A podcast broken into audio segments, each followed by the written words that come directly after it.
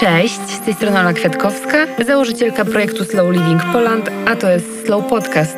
Zapraszam do słuchania. Cześć, dzień dobry, witam Was w kolejnym odcinku Slow Podcastu. Dzisiaj mam przyjemność gościć Annę Cyklińską, psycholożkę, psychoterapeutkę poznawczo-behawioralną w trakcie specjalizacji i edukatorkę.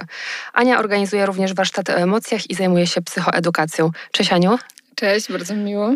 E, dzisiaj porozmawiamy sobie o przebodźcowaniu. Mm, mam wrażenie, że to jest e, nie wiem, czy mogę użyć takiego słowa, zjawisko, które spotyka coraz, e, które dotyka coraz większą liczbę osób.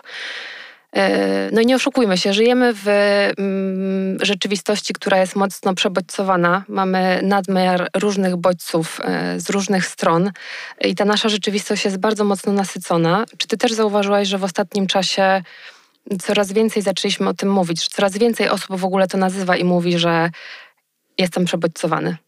Tak, i to jest e, zaskakujące, że gdzieś to słowo już trafiło do takiego języka powszechnego, bo na początku wydawało mi się takim no, typowo psychologicznym słowem gdzieś z podręczników, a, a nawet słyszę od e, znajomych czy od jakichś ludzi, że o, jestem dzisiaj taka przebodźcowana, że, że faktycznie to już się przebija, jakby też to rozumienie e, jest lepsze w tym momencie. E, no i też tych bodźców jest faktycznie dużo, tak jak powiedziałaś, i nawet są to rzeczy, o których nie myślimy czasami jako coś, co może nas obciążać. Mamy takie różne stresory, jak sztuczne światło, jak hałas, jak jakiś y, tłok na ulicy, które też faktycznie są nienaturalne dla, dla środowiska człowieka i też nas stresują. E, jakbyśmy zaczęły jeszcze od samego początku, początku, to ja chciałam Cię zapytać o to właśnie, czy też masz takie e, odczucia. E, natomiast jakie jest w ogóle podłoże biologiczne tego przebodźcowania? Jakbyś mogła trochę więcej o tym opowiedzieć? Tak, ja jestem w ogóle fanką psychologii ewolucyjnej i uważam, że wiele rzeczy da się jakoś fajnie zrozumieć i, i wytłumaczyć e, właśnie przez takie analogie. Mm, myślę, że ten mechanizm najłatwiej wytłumaczyć na tym e, zjawisku fight or flight, czyli takiego stanu zagrożenia dla człowieka, w którym e, jesteśmy w napięciu, ponieważ musimy być albo gotowi do walki, na przykład z jakimś drapieżnikiem, albo do ucieczki.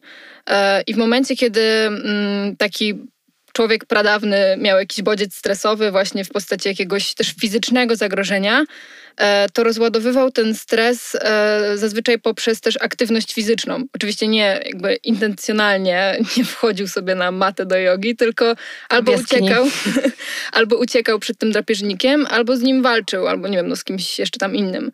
E, I to był faktycznie wysiłek energetyczny, który pozw pozwalał rozładować ten stres, dawał taki sygnał, że teraz jestem bezpieczny. Jeśli pokonałam jakąś drogę, spotykam moją rodzinę, czy to właśnie pokonają drapieżnika, widzę, że on jest e, po prostu na ziemi, martwy, teraz mogę go zjeść.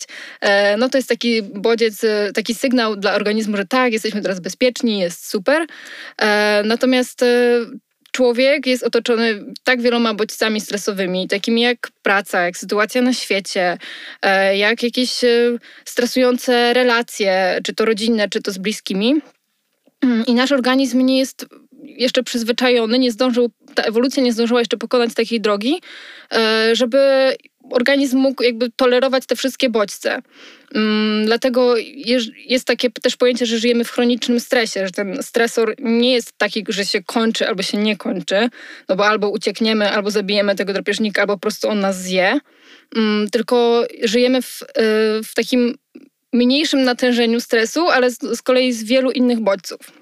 Ale przepraszam, że ci przerwę. To nie jest trochę tak, że my traktujemy te rzeczy jako takie oczywiste, w sensie, tak jak powiedziałaś, praca, obowiązki, e, sztuczne światło i czy to nie jest trochę tak, że właśnie dla nas to już jest taka część naszego życia i po prostu nie, tak, nie patrzymy na to jako stresory, tylko tak po prostu jest, tak żyjemy i po prostu jedziemy z tym dalej. Tak, ale ewolucja potrzebuje kilkudziesięciu, kilkuset lat, żeby przyzwyczaić organizm, żeby w, na przykład wykształciły się jakieś nowe struktury w mózgu, e, żeby jakoś ciało się dostosowało do pewnego etapu e, ewolucji człowieka, e, a raptem minęło 100 lat, 100 parę, e, kiedy zrobiliśmy ogromny skok technologiczny. Jeszcze 100 lat temu nie było na przykład zanieczyszczenia światłem, tak? nie było latarni na każdej ulicy. Mm, nie interesowała nas sytuacja na świecie, bo nie mieliśmy skąd wiedzieć na bieżąco, co się dzieje po drugiej stronie. Teraz dowiadujemy się o jakichś masakrach, o jakichś no, do strasznych kataklizmach, tak? To wszystko nas bardzo przejmuje. Nawet mówi się, że e, od w ogóle nie wiesz, co się dzieje na świecie, to w ogóle jesteś jakaś gorsza, głupsza, że trzeba słuchać podcastów, które mówią o tym, co się dzieje na całym świecie. E, I faktycznie to, to jest też obciążające i to pokazują nawet badania na przeciągu, w przeciągu ostatnich 20 lat, gdzie mm, jeszcze niedawno stresorami właśnie były takie sprawy, które dotykały ciebie personalnie, jak właśnie jakaś twoja sytuacja w pracy, twoje relacje, a w tym momencie jest to też ta sytuacja na świecie globalnie nie tylko to, co dowiadujesz się o swoim kraju, ale właśnie cały kontekst kulturowy i światowy. Tutaj tyle rzeczy padło i tyle pytań się pojawiło w mojej głowie, że nie wiem od czego zacząć, ale e, może jeszcze na chwilę się zatrzymamy przy tym, co powiedziałaś. A czyli śmiało możemy powiedzieć, że te zmiany technologiczne i kulturowe bardzo mocno wpłynęły na to, że jesteśmy przebodźcowani. Tak, i nie mamy jakby trochę na to wpływu, żeby się do tego przystosować. My też bardzo chłoniemy tą technologię. Ona jest uzależniająca, e, ponieważ e, każdy like, każda interakcja z kimś przez telefon komórkowy, e, smartfon, to jest wyrzut dopaminy dla naszego mózgu i jest to po prostu no, łechta nasz układ nagrody i nie jesteśmy w stanie tak po prostu no, odzwyczaić się od tego mechanizmu. Mała dygresja. Ostatnio właśnie się bardzo mocno zaśmiałam, bo e, widziałam aplikację e, Selfcare e, i dla mnie Selfcare to jest taki moment, kiedy po prostu jestem sama ze sobą, dbam o siebie i próbuję właśnie znaleźć tą równowagę i balans. I aplikacja, która po prostu cię zachęca do tego, żebyś spędził kolejne minuty jeszcze przy telefonie. Fantastycznie. No, paradoks trochę. Dobrze, miałam w głowie jakieś kolejne pytanie, ale się zakręciłam. Muszę się zastanowić, o co teraz chciałam cię zapytać. Zmiany technologiczne sobie omówiłyśmy. Mm, może teraz jeszcze trochę o tych bodźcach, bo powiedziałaś, że bodźce sztuczne światło, bodźce praca. Czy my możemy sobie też w takim razie te bodźce trochę podzielić na bodźce zewnętrzne i wewnętrzne? Bo to jest tak, że pewnie każdy z nas ma trochę inne te bodźce. I mhm. dla mnie na przykład, nie wiem, jednego dnia bodźcem może być e, koleżanka rozmawiająca przez telefon obok e, i to powoduje, że się nie mogę skupić, a może to jest na przykład też gonitwa myśli, która się pojawia w mojej głowie, czy te myśli, które na przykład nas też gdzieś tam e, męczą od samego rana, bo nie wiem, wstajesz i e, jeszcze się dobrze nie obudziłaś, ale myślisz już o tym, jakiego maila musisz wysłać, też można zaliczyć do takich stresorów i bodźców. Możemy tak, użyć właśnie takiego mm, tego podziału na wewnętrzne i zewnętrzne bodźce? Y tak, myślę, że możemy, natomiast no, to jest i, i tak ogromna, ogromna grupa, tak, bo e, to, co cię stresuje w tym momencie, ten, tym stresorem jest właśnie praca, jest jakieś, e, są jakieś obowiązki, e, ale też to może ułatwić niektórym osobom jakby zrozumienie tego mechanizmu, że też każdy z nas ma trochę inną wrażliwość. Mówi się o właśnie takiej wrażliwości układu nerwowego, czy w ogóle czymś, jak, jak też przeżywamy, jak regulujemy swoje emocje, jak bardzo e, dany bodziec, e, jak, jak dużą reakcję dany bodziec wywoła w danym organizmie, tak? Czyli jeśli mamy osobę, która jest właśnie wrażliwa, która jest reaktywna emocjonalnie, e, to jeden bodziec, powiedzmy niemiły mail od e, koleżanki z pracy e, może wywołać e, taką reakcję, że no ona się trochę przejmie, trochę o tym pomyśli, coś tam odpisze, koniec. U innej osoby, która jest bardziej wrażliwa i reaktywna, to wywoła dużo szybszą reakcję, ona tak by bardziej poszybuje w górę, ale też zostanie dłużej. To będzie właśnie jakieś rozmyślanie dłuższe, jakieś przypominanie się o tym. No i to jest, to, to jest zależne od naszej biologii. Tutaj nie jesteśmy w stanie za dużo zmienić, jeśli chodzi o Mm, o, to właśnie, jak przetwarzamy te bodźce. Możemy uczyć się radzić sobie z tym i jakoś e, właśnie poznawczo mm, modyfikować to, to jak myślimy o, o takich sytuacjach. Natomiast to, jak, jak my poczujemy tą reakcję w ciele, jak, e, jaką dużą mm, reakcję emocjonalną to spowoduje, jest zupełnie niezależna od nas, jest naszą po prostu biologią, tak samo jak, nie wiem, kolor włosów czy kolor oczu. Powiedz proszę też trochę więcej o tym, jak przebodźcowanie wpływa na nasz układ nerwowy. Mm, no wywołuje stres właśnie, mm, czyli coś, co wydaje nam się oczywiste, że, że ten stres jest, ale on ma wiele bardzo nieprzyjemnych skutków. E, na przykład jest mnóstwo badań, które potwierdzają taką zależność e, pomiędzy stresem, a układem trawiennym. E, to jest taka oś jelita, mózg. Też ma na to wpływ stan mikrobioty. Ja tutaj nie jestem specjalistką, bardzo bym chciała się tym jeszcze bardziej zainteresować, ale faktycznie to jest coś takiego, co chyba każdy z nas przeżył w jakimś bardzo stresującym momencie.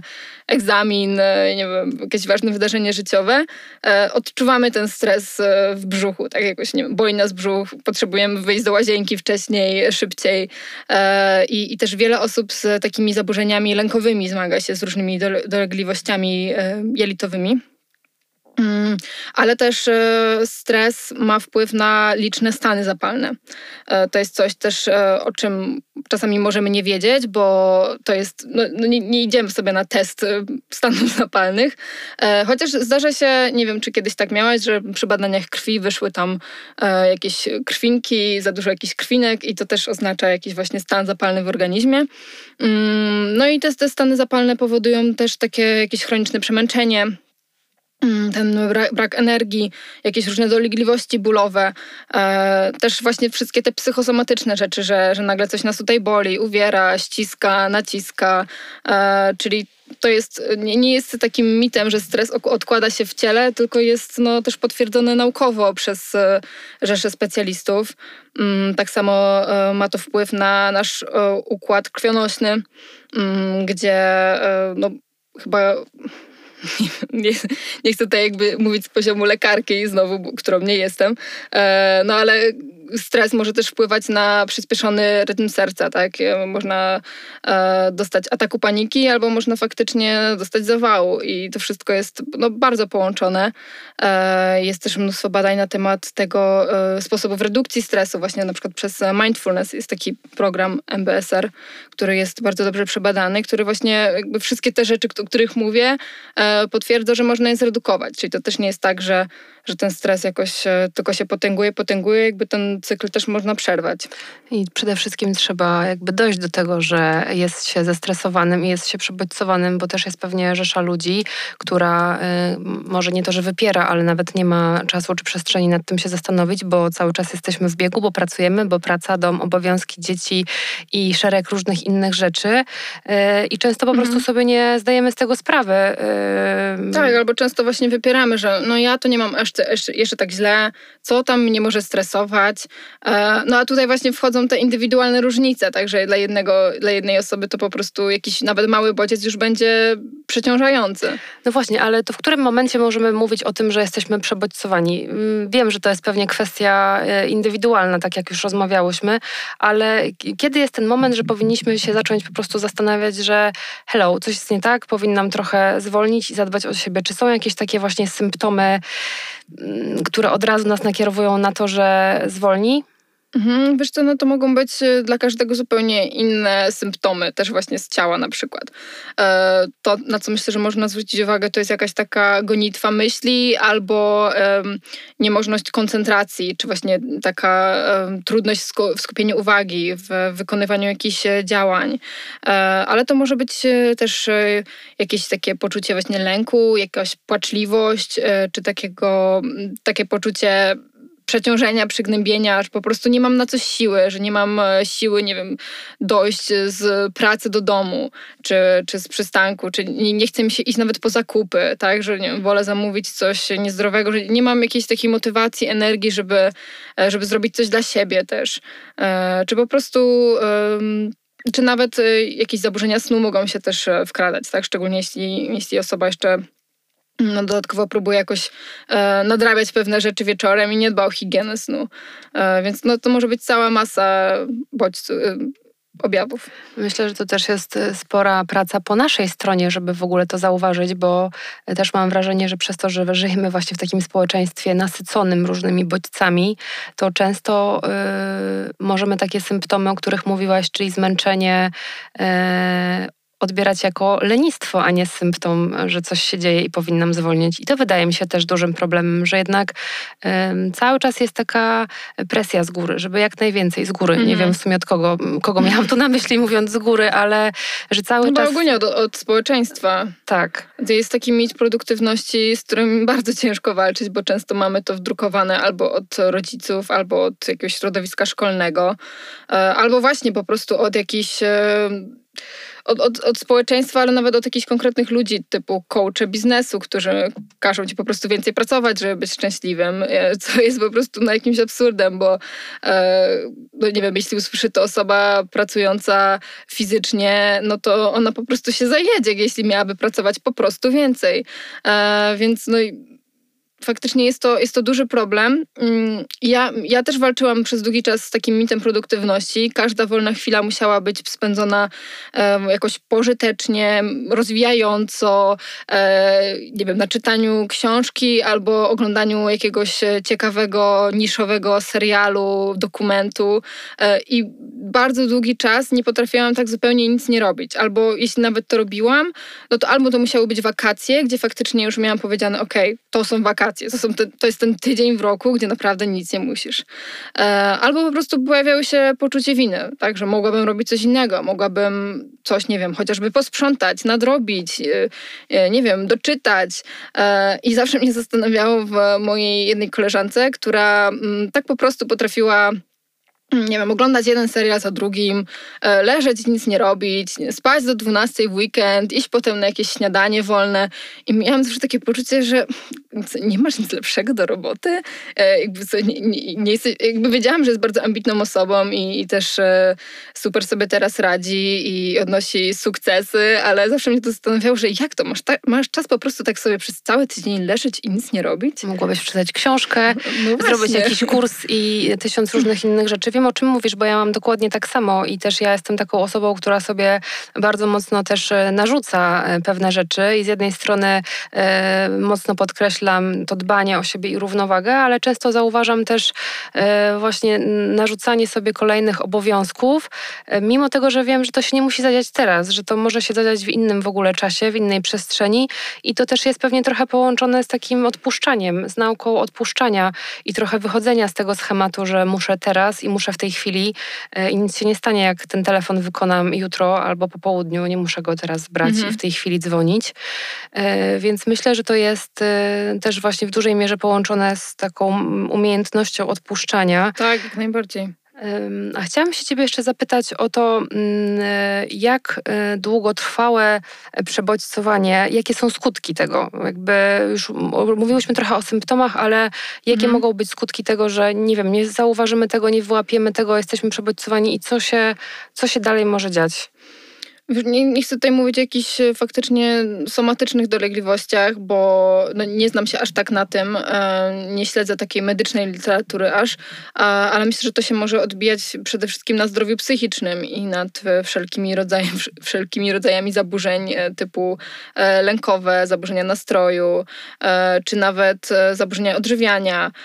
Tutaj mamy oczywiście całą rzeszę poszczególnych jednostek, które no, nawet w takich najgorszych przypadkach takich najbardziej dotkliwych przypadkach e, mogą się wszystkie naraz kumulować. Tak, to może być e, depresja, czyli obniżony nastrój, występująca z atakami paniki, e, czyli takimi momentami, gdzie, gdzie ten lęk jest tak duży, że, że aż tracisz oddech i, i ciężko jest w ogóle zorientować się w otoczeniu.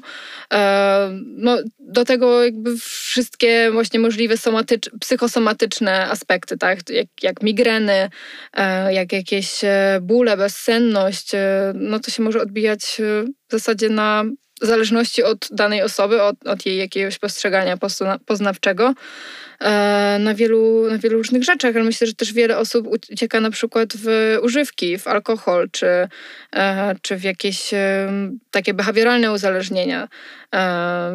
No, jakoś tak zapychając ten stres, tak? Że nie, nie pozwalając, żeby on e, faktycznie się ujawnił, tylko no, tłumiąc swoje emocje i tłumiąc e, ten stres. A jakbyś miała powiedzieć, e, czym dla ciebie jest przebodźcowanie? Jakie, no, jakie bodźce się u Ciebie ostatnio pojawiały w ostatnim czasie? Wiesz co, ostatnio chyba na szczęście się jakoś nie pojawiały, dlatego że od no, prawie miesiąca jestem już tylko na freelancie i pracuję z domu i robię to kiedy chcę, wstaję kiedy chcę, e, co nie oznacza tego, że śpię pół dnia, ale, ale czasami po prostu potrzebuję właśnie mm, robić to wolniej. E, ale miałam takie momenty, gdzie to przebodźcowanie dawało mi właśnie dużo takiego zmęczenia somatycznego, takiego, że wracałam do domu, e, gdzie na przykład słuchałam podcastu w metrze, do tego odpisywałam na maile, e, dookoła był tłum ludzi, jeszcze miałam maseczkę, więc ciężej się oddychało. E, po drodze jeszcze wchodziłam do sklepu, odpisując na kolejnego maila wracałam do mieszkania, przychodziłam i miałam takie poczucie, że moje ciało całe drga, nie mam siły nic kompletnie robić. Wiem, że jak położę się w tym momencie na łóżko, to już nie wstanę i nawet nie zrobię sobie nic do jedzenia, ani się nie wykąpię, więc to było takie chodzenie w trybie zombie e, i zazwyczaj, znaczy potem już łapałam się z taką myślą, że kiedy właśnie jechałam, już wracałam do domu i też pracowałam bardzo półtorej godziny od mojego miejsca zamieszkania, więc po tej półtora godzinnej podróży już na, na ostatnim przystanku metra tak łapałam się na tym, co ty w zasadzie robisz? Jakby dlaczego, dlaczego w ogóle tyle się dzieje w tym momencie? Tak? Jakby nie da się, nie da się skupić na tylu rzeczach naraz.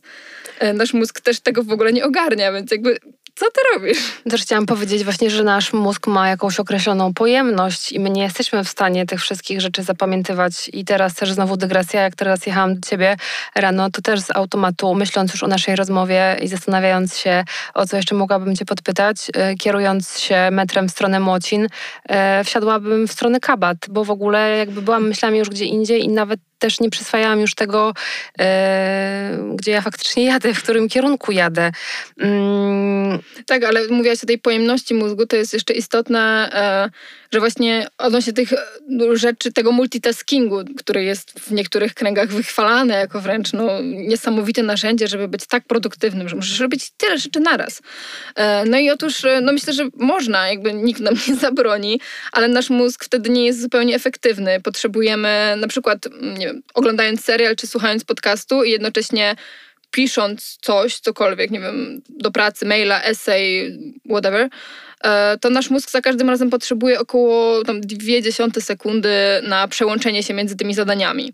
I tak naprawdę, gdybyśmy skupili się nawet na pół godziny na tej jednej czynności, bez tego przełączania się co chwilę, bo na przykład, o, usłyszę jakieś ciekawe zdanie i chcę się teraz na chwilę przysłuchać temu, co tam w telewizji czy w tym podcaście, e, no to tracimy te tam kilkadziesiąt sekund na to, żeby się przełączyć w jedną stronę i z powrotem, żeby się przełączyć na to pisanie, tak? I musisz znowu zebrać myśli, a dobra, na czym to ja byłam?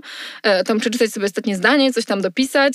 Więc to jest zupełnie nie, niekorzystne ani dla naszej właśnie uwagi, gdzie jest cały czas rozproszona i jakby też e, mówi się o, czym, o takim efekcie, że uwaga jest mięśniem i można ją wytrenować właśnie w tym skupianiu uwagi, w koncentrowaniu się. E, a tutaj no, robimy wręcz rzecz przeciwną i cały czas się rozpraszamy i, i ta uwaga no, nie ma jak e, być skoncentrowana. I potem e, no, wiele, wiele osób mówi o tym właśnie, że nie mogę się skoncentrować, nie mogę się skupić, a, a w zasadzie sami sobie to robimy, tylko no, czasami zupełnie bezwiednie.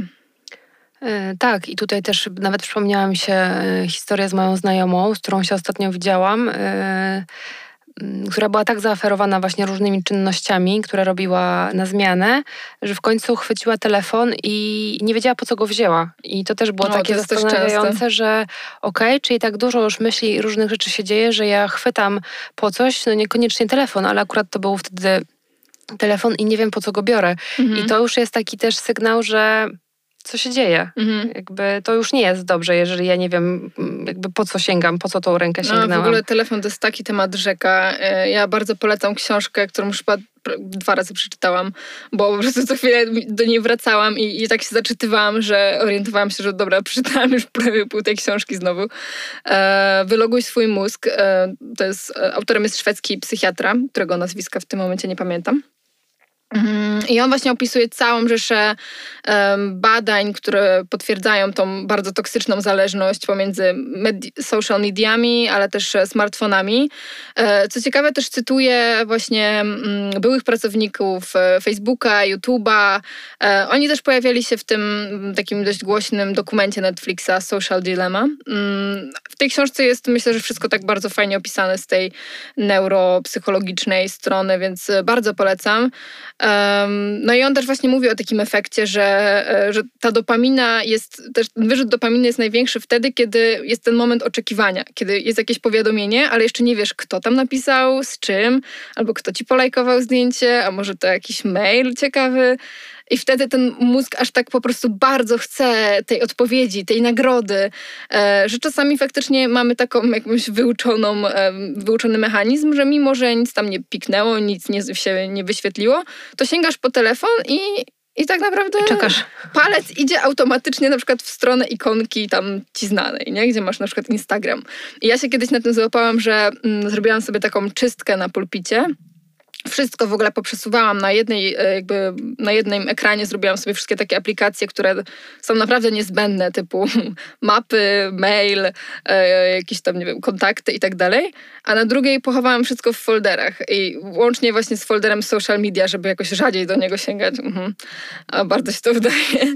E, no i właśnie przez pierwsze parę dni mój palec automatycznie wędrował w miejsce, gdzie był Instagram i klikałam jakąś beznadziejną aplikację, bezsensowną, no bo mój, mój mózg po prostu chciał tych lajków, chciał tej dopaminy, e, no a trochę go starałam się oszukać, e, a teraz mój mózg oszukuje mnie, bo już znalazłam sobie jakiś tam, że jak jeszcze bardziej w prawo przesunę ten ekran, to tam są wszystkie aplikacje i już moje grupowanie poszło na nic. Jeszcze jak jesteśmy w temacie aplikacji, to zauważyłam, że coraz więcej osób usuwa aplikacje mm. i robi sobie taki detoks. Jakkolwiek o, tak. absurdalnie by to nie zabrzmiało, że robimy sobie detoks od telefonu i od aplikacji, ale po prostu w tak dziwnym mm, społeczeństwie i czasie żyjemy, ale... A robiłaś kiedyś taki detoks? Tak, robiłam. Usuwałam sobie aplikację. Muszę się przyznać, że pierwsze razy były takie, że jednak wracała ta aplikacja dość szybko na mój telefon. Aha.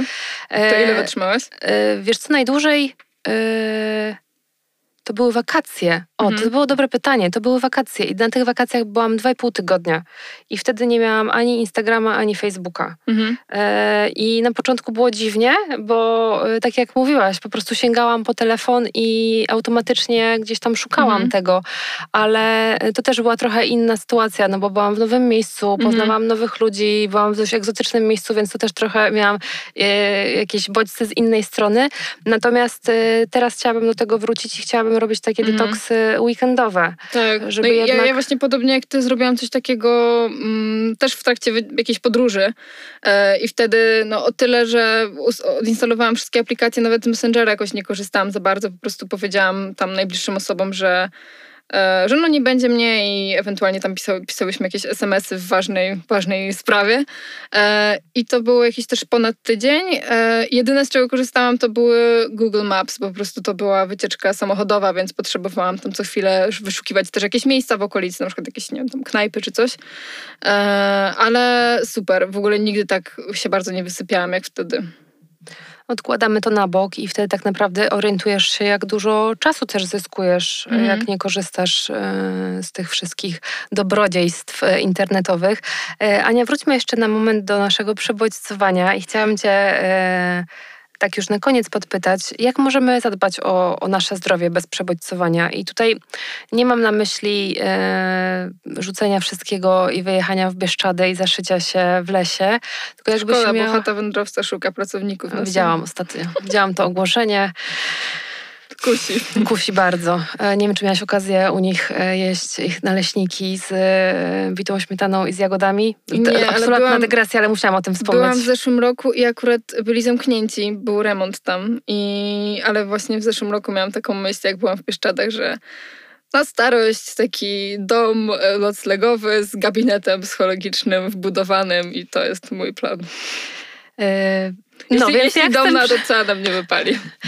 Y, jakbyś miała właśnie podpowiedzieć, jakie, y, jak możemy o to zdrowie zadbać, mieszkając tutaj w mieście, czyli mieszkając pewnie w większości z nas dość szybko, jakieś takie rady, porady od ciebie, jak możemy z tym sobie na co dzień e, radzić?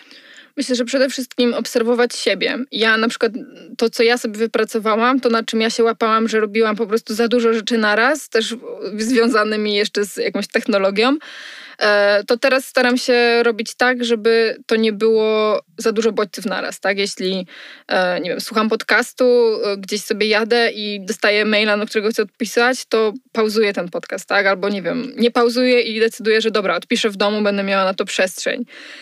Jeśli, nie wiem, właśnie gotuję, to też na przykład mi to sprawia super frajdę, jak skupię się tylko na tym gotowaniu, no, krojeniu warzyw, nawet czasami robię to bez żadnej muzyki, bez niczego, co by mnie rozpraszało i wtedy to się okazuje dla mnie super przyjemne, ale to jest akurat mój przykład, bo wiem, że jest wiele osób, które nie lubi gotować i jakby nie muszą tego robić na siłę. E, więc takie pojedynczo robienie jest bardzo, bardzo cenne w tym przebodźcowaniu, no bo wtedy minimalizujemy sobie te bodźce.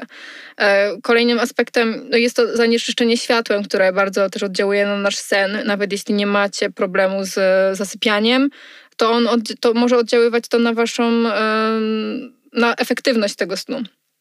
Mm, czyli nawet może można się budzić po 9 godzinach totalnie jakoś niewyspanym. E, dobrym pomysłem oczywiście jest tam przygaszenie świateł, tak jakieś takie ciepłe światło. Jeśli to są świeczki, to w ogóle super, bo to jest takie najbardziej naturalne światło. E, niekorzystanie z, właśnie z ekranów, które emitują niebieskie światło, co jest potwierdzone, że opóźnia ten wyrzut melatoniny, utrudnia zasypianie. E, przed, przez tam, nie wiem, no godzinę, dwie najlepiej przed snem. No, ja przyznam, że mi to średnio wychodzi, bo jednak coś tam często ogląda się przed snem już w takiej wolnej chwili, no ale e, warto mieć jednak świadomość, że, że to nie jest do końca zdrowe i może lepiej poczytać książkę albo po prostu z kimś porozmawiać. Co jeszcze? Um, no to, co w ogóle jest e, super, takie kojące na te czasy, to jest taki trening uważności. E, ja w zeszłym roku e, przeszłam właśnie ten kurs e, MBSR, o którym wspomniałam wcześniej, w formie online oczywiście, no bo normalnie on odbywa się w takich grupach warsztatowych. I to po jakichś tam wielu latach próbowania aplikacji do medytacji, to mi w końcu dało taką pewność, na czym to polega, o co z tym chodzi, jak to robić, po co to robić y, i od tamtego czasu faktycznie no, miałam jakieś tam przestoje, ale, ale praktycznie no, te wartości mindfulness są ze mną i, i bardzo mi to pomaga na co dzień kiedy czuję się czasami właśnie zagubiona, kiedy nie wiem, jest jakiś tydzień czy dwa, w którym w ogóle nie medytuję regularnie, to od razu to odczuwam. Ja odczuwam to w jakimś takim rozdrganiu i, e, i takim właśnie pobudzeniu dziwnym takim niespokoju trochę chyba w mhm. ciele. E, ja oczywiście z wielką chęcią bym, was zaprosiła do tego, żeby e, przy takiej, w takiej sytuacji przebodźcowania udać się do lasu, ale mam wrażenie, że no nie każdy ten las ma pod ręką i to nie jest takie proste, ale moim takim sposobem, jak już czuję, że jest za dużo, że właśnie czuję się taka niespokojna, trochę roztrzęsiona wewnętrznie i yy, że po prostu za dużo się dzieje, to wychodzę na spacer. Mhm. Yy, niezależnie od tego, jaka jest pogoda, często też mi się zdarzało nawet przy deszczu i jakichś takich niesprzyjających warunkach po prostu wyjść, bo mam wrażenie, że to bardzo mocno pomaga mi też oczyścić głowę i trochę wyjść z tej sytuacji, w której jestem teraz i po prostu mhm. zostawiam to w domu, czy gdziekolwiek jestem, po prostu wychodzę i yy, jestem z, z, trochę inną, czystą głową. To masz dwa w jednym wtedy, bo i aktywność fizyczna rozładowuje to napięcie i stres i właśnie las, czy, czy w ogóle zieleń, park nawet w takiej przestrzeni miejskiej e, też pozwala na lepszą koncentrację uwagi. I w ogóle jest takie fajne, e, fajne badanie eksperymentalne, w którym właśnie jedna grupa rozwiązywała test, e, szła na spacer do parku, wracała, rozwiązywała ten test i poszło jej mniej więcej tak samo, a druga grupa szła na spacer przez takie aleje miejskie, wracała i ten test, który tam wymagał właśnie jakiejś koncentracji, skupienia, poszedł jej gorzej, czyli jakby ta uwaga była rozproszona bardziej. E, więc spacery w parkach, których niestety no w Warszawie przynajmniej nie ma jakoś super dużo. Nie ma ich na każdym kroku. E, są pomocne i już niedługo będzie też bardziej zielono, więc polecam. Tak, no i oczywiście, jeśli już czujecie się bardzo przeciążeni przemęczeni, to wizyta u psychologa, psychoterapeuty lub psychiatry, jeśli już potrzebujecie jakiegoś wsparcia farmakologicznego i, i to jest y, no, jedna z najlepszych dróg, bo czasami nawet takich kilka spotkań z psychologiem może E, może wam dać odpowiedź, co się dzieje. Mm, no, jeśli jesteście świadomymi ludźmi, słuchacie, czytacie, e, to, to super, to może macie jakąś, macie pojęcie, ale jednak no, masa ludzi nie, nie ma pojęcia, co się dzieje, dlaczego na przykład e, boli mnie brzuch codziennie przed wyjściem do pracy. No, dlatego, że to jest jakaś odpowiedź organizmu na ten bodziec stresowy. Myślę, że już w ogóle w tym czasie, kiedy jesteśmy zamknięci w domach, to tak naprawdę dużo osób po, potrzebuje wsparcia i rozmów właśnie ze specjalistą o różnych nastrojach, które się pojawiają, no bo to jest też y, ciężki czas. Nie dość, że jesteśmy przebodźcowani trochę innymi bodźcami, bo nie wychodzimy z domu, ale jednak ta praca z nami jest w domu. Y, ja akurat mhm. nie mam y, dzieci, nie mam rodziny też, więc ciężko mi jest powiedzieć, nie w ogóle sobie nie wyobrażam, jak, jakby to wyglądało, jakbym miała jeszcze małe dzieci w domu i do tego połączyć to z pracą. Tak, dokładnie. Ania, bardzo Ci dziękuję za rozmowę Dzięki. i za dużą dawkę wiedzy. Powiedz jeszcze, gdzie Cię można na co dzień spotkać. Mm, Gdzie tak... cię szukać? Na Mokotowie. e, nie no, to, to, to tak prywatnie. Mm, ale najłatwiej chyba na Instagramie, tam jestem jakoś najbardziej aktywna, psychoedu z tą kreską na dole. Mm, mam też stronę internetową, staram się aktualizować, jeśli tam będą się pojawiały jakieś wydarzenia. No, na razie nie prowadzę warsztatów, dlatego że ta forma online jest dla mnie taka naciągana i bardzo lubię prowadzić warsztaty z ludźmi na żywo, więc czekam jeszcze, pewnie mam nadzieję, że w lato będzie jakaś taka możliwość. Mm. E, no i zapraszam do słuchania podcastu Można Zwariować. Mamy już e, całkiem sporą liczbę, dwudziestu paru odcinków. Czasem mamy gości, ale czasami gadamy właśnie we dwie, ja i Kleo Ćwiek, więc e, zachęcam też. Dzięki Ania. Dzięki. Dzięki, do usłyszenia.